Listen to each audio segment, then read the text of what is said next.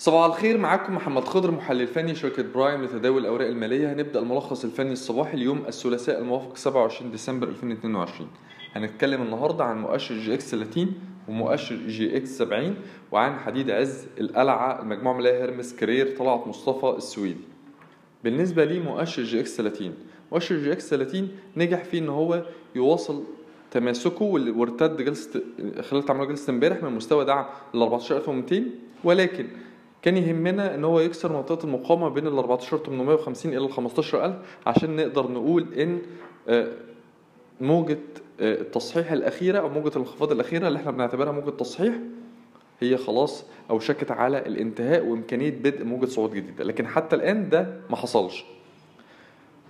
لكن في تباين في مكونات مؤشر ال EGX 30 على سبيل المثال حديد عز إحدى مكونات مؤشر EGX 30 نجح في إن هو يكسر منطقة المقاومة بين ال 21 ل 21 ونص. وبكده حديد عز منطقة المقاومة أو مستوى المقاومة التالي الأهم ليه هيكون عند 23 ونص وده مستوى مقاومة قوي. كسر 23 ونص ممكن نشوف 25 26 في حديد عز. مستوى الدعم الأهم هيكون عندنا عند ال 20 جنيه 20 جنيه ونص منطقة الدعم دي. القلعة ارتدت بقوة من مستوى الجنيه 95 مستوى المقاومة التالي ليها هيكون عند ال 42 يليها ال 72 ميزة في القلعة إن هي كسرت منطقة المقاومة أو في طور اختراق منطقة المقاومة بين ال 2 15 ل 22 وده بي بي بيزود من دلالات انتهاء موجة تصحيح القلعة واللي ابتدت من ال 2 جنيه 40 وصولا للجنيه 95 المجموعه الماليه هرمس مجموعة ماليه هرمس قدرت إن هي تحافظ على منطقة دعم قوية ما بين 16 80 ل 17 جنيه. المجموعة الماليه هرمس عندها مستوى مقاومه قوي عند 19 جنيه وربع. كسر 19 جنيه وربع ممكن نشوفها ب 21 جنيه. نظرتنا هتفضل إيجابية على المجموعة الماليه هرمس طول ما هي بتتحرك فوق منطقة الدعم بين 16 80 إلى 17 جنيه. كرير ارتد بقوة من مستوى ال 12 جنيه 30 ولكن كرير لازم يكسر آه، منطقة المقاومة السنوية ما بين ال 13 جنيه إلى 13 جنيه ونص عشان نتأكد من انتهاء التصحيح. ونتأكد كمان من قدرته على اختراق آه، آه، مستوى المقاومة عند ال 14 جنيه ونص واستهداف ال 17 جنيه.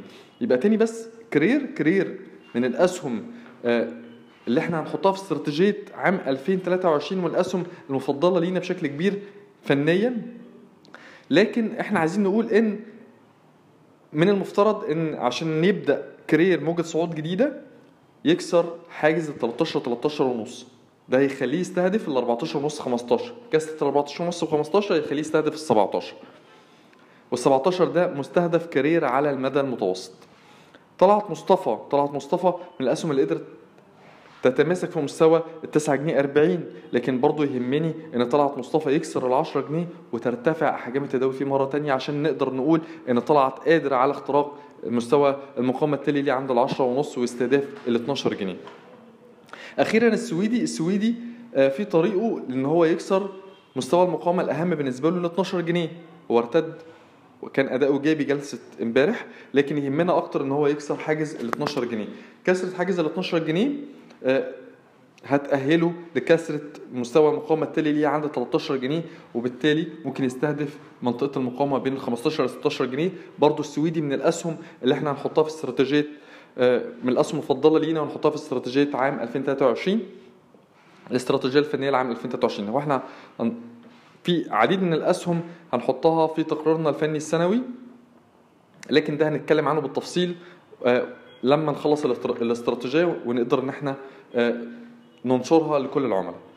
بالنسبة لي مؤشر EGX 70 مؤشر EGX 70 برضو نجح فيه إن هو يرتد من مستوى دعمه عند ال 2700 وده ارتداد إيجابي ولكن كان يهمنا برضو إن مؤشر EGX 70 يكسر على الأقل مستوى المقاومة الثانوي ليه عند ال 2815 عشان نتأكد من انتهاء موجة التصحيح من انتهاء موجة التصحيح وإمكانية بدء موجة صعود جديدة.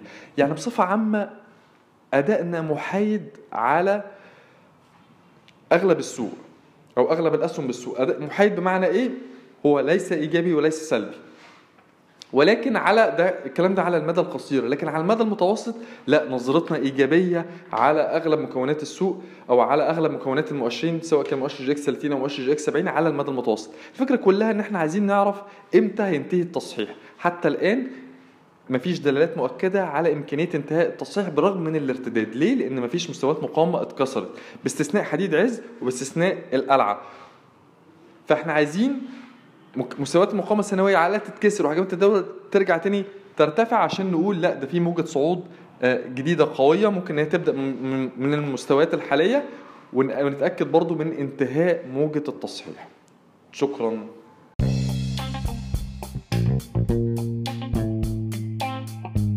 يرجى العلم أن هذا العرض هو لأغراض معرفية فقط، ولا يمكن اعتباره عرض أو توصية شراء أو بيع أو إدارة استثمارات أو خدمات استشارية. ينصح باستشارة مستشارك المالي قبل اتخاذ أي قرار استثماري، علماً بأن الأداء التاريخي ليس مؤشراً يعتمد عليه لتحديد الأداء في المستقبل.